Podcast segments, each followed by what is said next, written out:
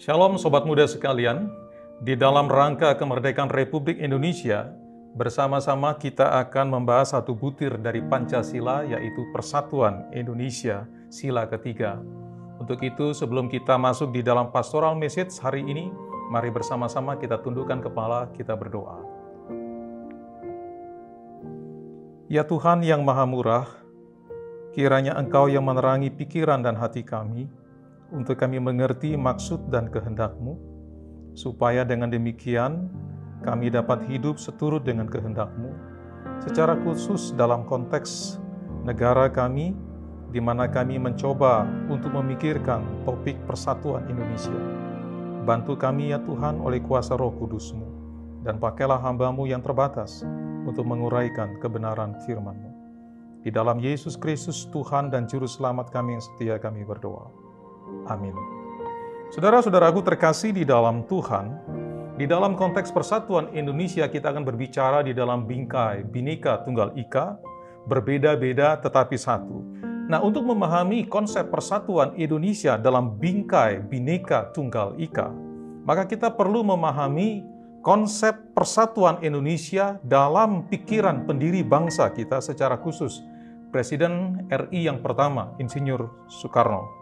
Nah, di dalam buku di bawah bendera revolusi yang ditulis oleh Insinyur Soekarno, terdapat satu bagian bab di mana beliau membahas tentang persoalan persatuan Indonesia. Nah, sejak tahun 1928, cita-cita untuk terjadinya persatuan Indonesia dari keragaman suku dan bahasa telah tertanam di dalam sanubari para pemuda-pemudi pada waktu itu. Meskipun sebenarnya Indonesia secara de jure atau hukum belum diakui sebagai negara yang merdeka dan berdaulat. Namun secara de facto, Indonesia yang bersatu itu telah menjadi cita-cita dari para pemuda-pemudi. Nah karena itu lahirlah yang namanya Sumpah Pemuda dengan dipelopori oleh para pemuda-pemudi dari Jawa yang dikenal dengan Yong Java, kemudian Sumatera, Minahasa, Sulawesi, bahkan mungkin juga ada hadir orang-orang dari Ambon. Nah, kesadaran akan terciptanya persatuan Indonesia merupakan modal untuk melawan taktik penjajah dengan politik divide et infera. Sebagaimana yang kita tahu, politik memecah belah persatuan. Nah, saudara-saudaraku yang terkasih di dalam Tuhan, menjelang kemerdekaan dan pasca kemerdekaan, di permukaan tampaknya Indonesia sudah mencapai yang namanya persatuan Indonesia. Namun dalam tataran ide atau gagasan, sikap saling curiga-mencurigai itu selalu muncul. Artinya di dalam tataran ide ataupun gagasan, persatuan Indonesia itu belum tercapai. Oleh karena ada sikap saling curiga antara pengikut dari paham nasionalis, pengikut dari paham agamis, dan pengikut dari paham Marxis. Nah, melihat hal itu, Soekarno kemudian menuliskan pemikirannya tentang persatuan Indonesia. Beliau mengajak mengajukan pertanyaan demikian, apakah persatuan Indonesia itu dapat tercapai di tengah sikap saling curiga mencurigai antara pengikut paham nasionalis, antara pengikut paham agamis maupun pengikut paham Marxis? Soekarno menjawab, bisa. Nah, apa yang membuat Soekarno berkata bisa? Itu lahir dari keyakinannya bahwa persatuan Indonesia dapat tercapai jika masing-masing pengikut dari masing-masing paham itu dapat saling memberi. Perhatikan, jikalau masing-masing pengikut dari masing-masing paham itu dapat saling memberi, meskipun katanya hanya sedikit. Nah, saling memberi ini dipahami sebagai satu itikat untuk memberi ruang bagi paham-paham lain dengan melihat apa yang baik untuk dijadikan sebagai dasar pijakan bersama untuk terjadinya persatuan Indonesia demi tercapainya kebaikan bersama. Nah, saudara-saudara yang saya kasih di dalam Tuhan, namun jikalau kita melihat kondisi hari ini, pertanyaan besar sebenarnya adalah apakah persatuan Indonesia itu sungguh-sungguh sudah terjadi? Di permukaan nampaknya sudah. Namun kembali lagi, dalam tataran ide, gagasan, atau paham, persatuan itu belum terjadi secara utuh. sikap saling curiga di antara pengikut paham dengan paham lainnya semakin besar. Pengikut paham nasionalis mencurigai pengikut paham agamis. Pengikut paham agamis mencurigai pengikut paham nasionalis. Apalagi hari-hari ini isu-isu Marxisme mulai hangat kembali dan mendapatkan perhatian yang besar yang patut dicurigai. Bahkan juga akhir-akhir ini muncul pengikut paham nasionalis agamis dengan kecurigaannya sendiri. Nah, saudara yang saya kasih di dalam Tuhan, kecurigaan-kecurigaan ini sebenarnya mengancam semangat persatuan Indonesia yang telah dicetuskan sejak tahun 1928 dan ditegaskan kembali dalam sila ketiga dari Pancasila yaitu persatuan Indonesia. Lalu bagaimana sikap kita sebagai orang Kristen untuk mewujudkan persatuan Indonesia? Bagaimana sikap kita sebagai anggota tubuh Kristus membawa wujud persatuan Indonesia yang di dalam rumah yang besar yang kita sebut Indonesia. Oleh karena itu, mari saya mengajak kita membaca dari satu bagian teks firman Tuhan yang terambil dari Wahyu pasal 7. Di dalam Wahyu pasal 7, saya akan membacakan ayat 9 sampai 13, demikian firman Tuhan. Kemudian daripada itu aku melihat sesungguhnya suatu kumpulan besar orang banyaknya yang banyak yang tidak terhitung banyaknya dari segala bangsa dan suku dan kaum dan bahasa berdiri di hadapan takhta dan di hadapan anak domba memakai jubah putih dan memegang daun-daun palem di tangan mereka dan dengan suara nyaring mereka berseru keselamatan bagi Allah kami yang duduk di atas takhta dan bagi anak domba dan semua malaikat berdiri mengelilingi takhta dan tua-tua dan keempat makhluk itu. Mereka tersungkur di hadapan takhta itu. Mereka tersungkur di hadapan takhta itu dan menyembah Allah sambil berkata, Amin. Puji-pujian dan kemuliaan dan hikmat dan syukur dan hormat dan kekuasaan dan kekuatan bagi Allah kita sampai selama-lamanya. Amin.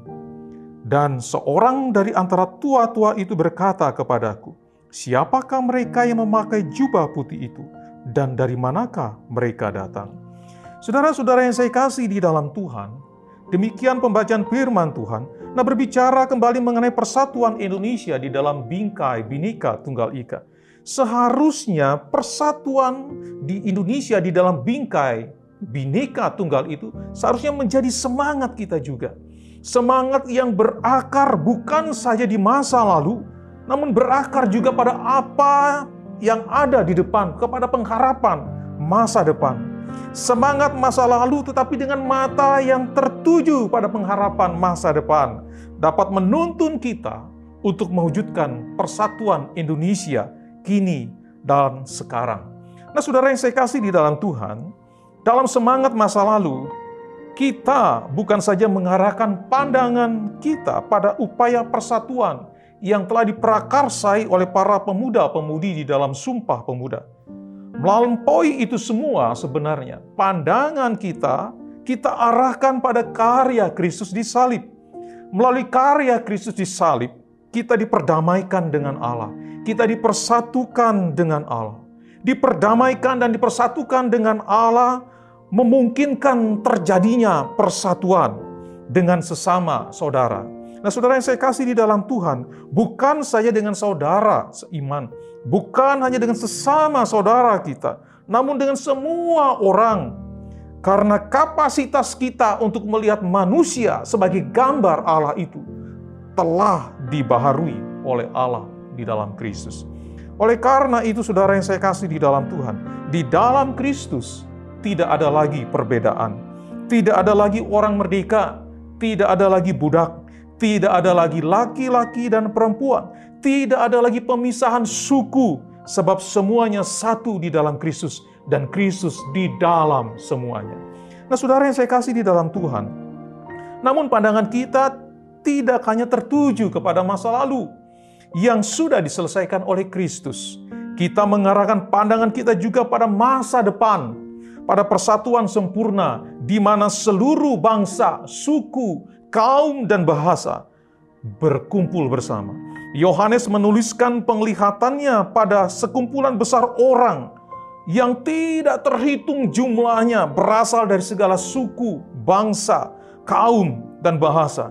Mereka sedang berdiri di hadapan tahta anak domba Allah, yakni di hadapan Kristus. Mengenakan jubah putih yang melambangkan keselamatan dan kemenangan dan memegang daun palem sebagai simbol perayaan kemenangan dan keselamatan di dalam Kristus.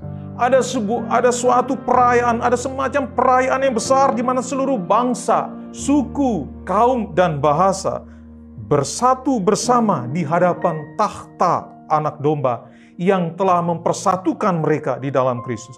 Nah, bahkan di dalam persatuan yang utuh-utuh itu, pujian tiada henti dinaikkan kepada Allah Sang Pemersatu melalui Kristus Sang Anak Domba Allah.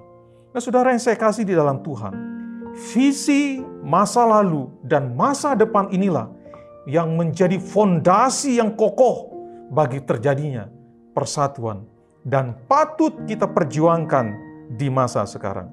Saudaraku yang saya kasih di dalam Tuhan, Bineka Tunggal Ika sesungguhnya menjadi bagian dari jati diri kita, menjadi bagian dari identitas kita sebagai orang Kristen.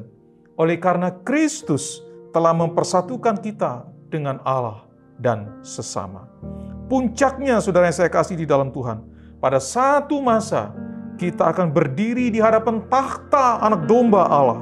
Bukan sebagai orang yang dipisah-pisahkan karena perbedaan warna kulit, suku, kaum, bahasa, dan budaya.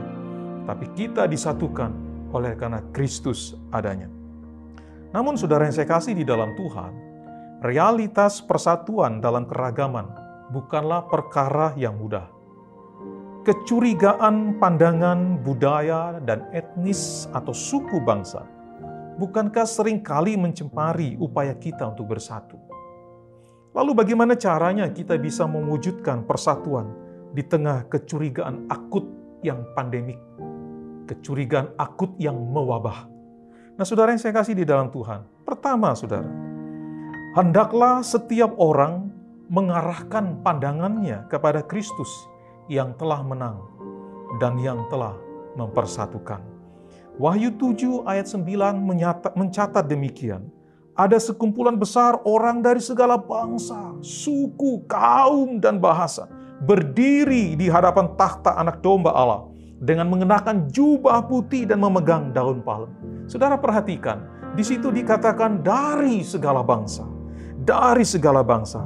Nah, di dalam segala bangsa itu ada suku, di dalam segala suku itu ada kaum-kaum keluarga. Di dalam kaum-kaum keluarga itu ada dialek-dialek bahasa yang unik yang tidak dimiliki oleh kaum-kaum keluarga lain dari setiap suku dalam bangsa-bangsa di dunia. Nah, saudara yang saya kasih di dalam Tuhan, sekarang semuanya itu sedang berdiri di hadapan takhta anak domba Allah, yakni Kristus yang menang, bukan sebagai bangsa, suku, kaum, dan bahasa yang terpisah, melainkan sebagai satu kesatuan. Kontras sebenarnya dengan apa yang terjadi dalam kisah Menara Babel, di mana Tuhan mengacaukan bahasa manusia, sehingga mereka tidak bisa saling mengerti, dan pada akhirnya terpecah-pecah terpisah-pisah antara satu dengan yang lainnya. Namun di dalam perayaan kemenangan Kristus, ia menyatukan kembali semua bangsa, suku, kaum, dan bahasa yang terpecah-pecah. Nah saudara yang saya kasih di dalam Tuhan, dengan demikian kesatuan yang utuh dapat terjadi hanya di dalam Kristus yang menang dan memenangkan bagi dirinya sendiri suatu umat dari seluruh bangsa, suku, kaum, dan bahasa. Saudaraku, yang kedua, bagaimana cara kita mewujudkan persatuan itu di tengah sikap saling curiga yang mewabah itu? Yang kedua adalah hendaklah setiap orang saling menerima seorang dengan yang lain, sama seperti Kristus telah menerima kita. Di dalam Roma 15 ayat 7 dinyatakan demikian, Sebab itu terimalah satu akan yang lain, sama seperti Kristus juga telah menerima kita untuk kemuliaan Allah. Nah saudara yang saya kasih di dalam Tuhan, Persatuan terjadi ketika kita menerima orang lain dengan melihat Kristus yang telah menerima kita. Di dalam menerima orang lain, sesungguhnya kita sedang memberikan diri kita kepada orang lain, seperti yang dikatakan Soekarno, bahwa persatuan itu terjadi ketika kita saling memberi. Nah, di dalam kita menerima orang lain, di situ sebenarnya kita sedang memberikan diri kita kepada orang lain. Pemberian diri kepada orang lain melibatkan penolakan diri bahwa saya lebih dari orang lain, lebih pandai, lebih ganteng, lebih cantik, lebih kaya, lebih gesit dan cekatan, dan lebih-lebih yang lain. Pemberian diri kepada orang lain akan membuka ruang bagi orang lain untuk hadir dengan segala kelebihan dan keunikannya, bahkan mungkin lebih pandai dari diri kita. Nah, saudara yang saya kasih di dalam Tuhan, yang ketiga, bagaimana cara kita mewujudkan persatuan di tengah kecurigaan yang begitu pandemik yang mewabah pada masa kini. Yang ketiga adalah, hendaklah setiap orang menganggap orang lain lebih utama dari dirinya sendiri. Di dalam Filipi 2 ayat 3 dinyatakan demikian, hendaklah dengan rendah hati yang seorang menganggap yang lain lebih utama daripada dirinya sendiri. Nah saudara yang saya kasih di dalam Tuhan, Mungkin kita bisa menerima orang lain dengan segala keunikan. Kita bisa menerima orang lain dengan segala kelemahan dan kelebihannya. Namun tidak banyak orang yang berhasil dalam hal menganggap orang lain lebih utama dari dirinya sendiri. Menganggap orang lain lebih utama membawa kita pada tingkatan merendahkan diri, bahkan menyangkali bahwa kita lebih dari orang lain. Saudaraku yang saya kasih di dalam Tuhan, Bineka Tunggal Ika secara literal berarti beraneka ragam tapi satu itu. Atau seperti yang kita pahami hari ini, berbeda-beda tetapi satu. Nah, bagaimana keragaman yang berbeda-beda itu dapat tetap satu? Soekarno katakan, dalam memberi kita menjadi satu. Artinya, memberi ruang untuk menerima orang lain. Namun uniknya Alkitab mengajarkan kita lebih lagi supaya kesatuan terjadi. Alkitab melampaui dari sekedar apa yang diungkapkan oleh Soekarno. Alkitab mengatakan kesatuan itu terjadi ketika kita mengarahkan pandangan kita kepada Kristus yang telah menang dan yang telah mempersatukan yang kedua, ketika kita menerima orang lain sebagaimana Kristus telah menerima kita. Dalam menerima orang lain, kita membuka diri dengan cara membuka ruang bagi orang lain. Di dalam menerima, kita sedang memberi diri kita dengan cara membuka ruang bagi mereka untuk masuk di dalam hidup kita. Dan yang ketiga, dengan menganggap orang lain lebih utama dari kita. Saudaraku, menganggap orang lain lebih utama berarti menanggalkan segala egoisme pribadi, bahkan kita lebih dari orang lain, dan belajar untuk rendah hati.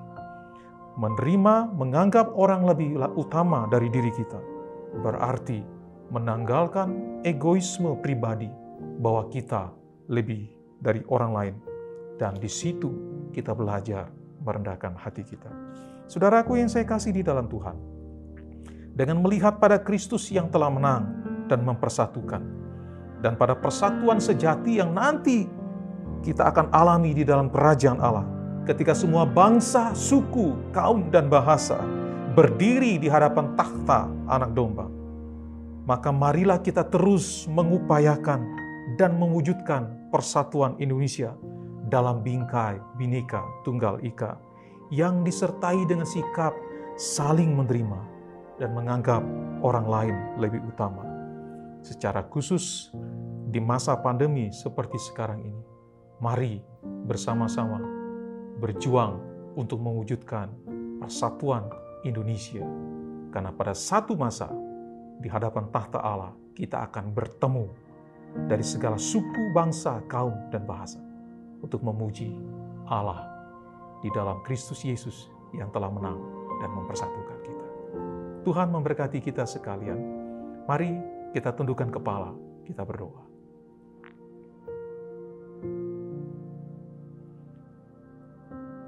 Dengan mengarahkan mata iman kami kepada karya Kristus yang telah menang dan yang mempersatukan kami, dan mengarahkan pengharapan kami kepada pengharapan masa depan ketika kami dari segala bangsa, suku, kaum, dan bahasa berdiri di hadapan takhtamu sebagai satu kesatuan yang tidak terpecahkan untuk memuji dan meninggikan Engkau.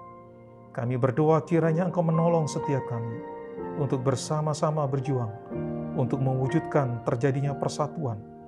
Dimulai dari kehidupan kami, dimulai dari komunitas kami sebagai orang muda di gereja, dimulai dari komunitas kami di tengah-tengah gereja ini, bahkan merambat terus ke tengah-tengah masyarakat. Sehingga dengan demikian, semakin banyak orang boleh dibawa untuk mengarahkan pandangan kepadamu, percaya kepadamu, karena hanya di dalam Engkau, maka persatuan yang sejati dan utuh itu dapat terjadi. Terpujilah Engkau ya Tuhan. Berbicara terus melalui kuasa roh kudusmu kepada setiap kami di dalam hidup kami setiap hari. Di dalam Yesus Kristus Tuhan dan pengantara kami yang telah menang dan yang telah mempersatukan. Kami berdoa dan bersyukur. Amin. Tuhan memberkati kita sekalian.